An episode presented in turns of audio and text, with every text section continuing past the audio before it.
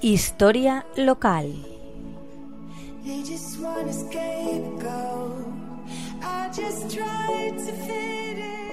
Buenas tardes, amigos de la Tegua Radio. Siguiendo con los escritores del periódico La Cháchara, no podemos dejar de nombrar a otros monoveros y monoveras singulares que también plasmaron sus artículos en dicho periódico y en otros más de la época. Uno de ellos fue el periodista Silvestre Verdú Verdú, cuyo seudónimo era Marcolán. Nació en Monóvar en 1871 y murió en Petrer en 1957. Fue compañero de estudios y amigo de Azorín y colaboró en diversos periódicos de Alicante y de Monóvar, como el Eco de Monóvar, El Pueblo, El Cronista, eh, Los Pueblos, El Sembrador y La Cháchara. También escribió un libro titulado Un poeta español, publicado en 1895 y hoy descatalogado. Formó parte de la tertulia El Rode Literario. En sus artículos nos habla de temas monoveros, como la Semana Santa, en el número 15 de la Cháchara, donde nos recuerda a los armados esos soldados romanos que acompañaban las procesiones y hacían vela en la iglesia la noche del jueves santo. El Belén campestre en el número 14, la mona, el aguardiente monovero y disolución de los armados en el número 37, etc. Todos ellos con un lenguaje muy bucólico, casi poético. Otra de las colaboradoras destacadas fue la maestra de escuela Magdalena Mallebrera, que nació en Monóvar en 1882. Estudió en la Escuela Normal de Magisterio de Alicante y en 1906 fue nombrada maestra interina de Novelda. Luego aprueba las oposiciones y en 1912 ya es destinada a Monóvar.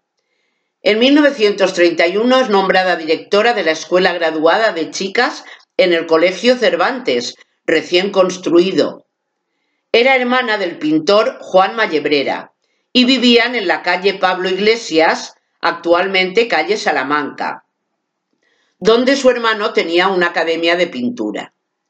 Desde muy joven colaboró y formó parte de los grupos teatrales de aficionados, como el Parnasillo, que representaba generalmente comedias, o la Marcha de Cádiz, grupo lírico fundado por Dolores Cortés, que representaba zarzuelas.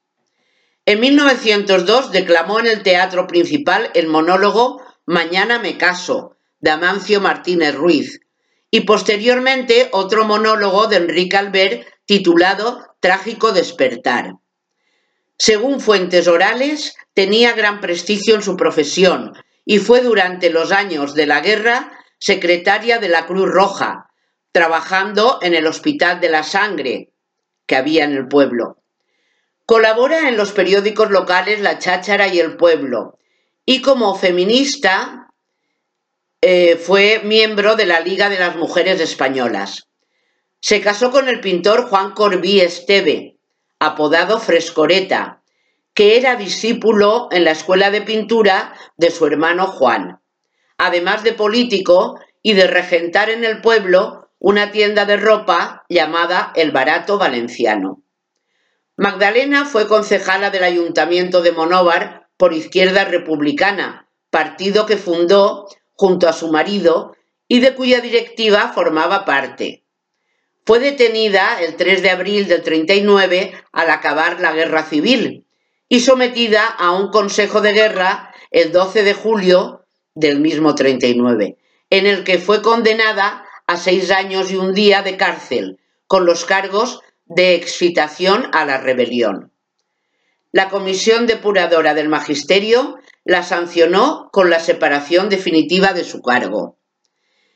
En el año 1951 se exilia a Marruecos, concretamente a Orán, donde vivió con su marido hasta abril de 1963, eh, cuando se trasladó a Hierés, en Francia, donde vivieron en la residencia para refugiados Maison de Repos Beauséjour, que la Sociedad de Naciones Unidas tenía allí.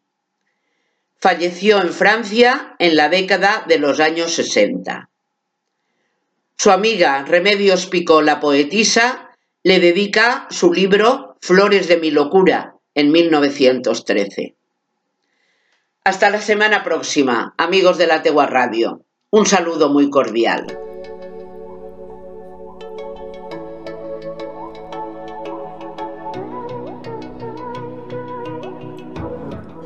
Historia local.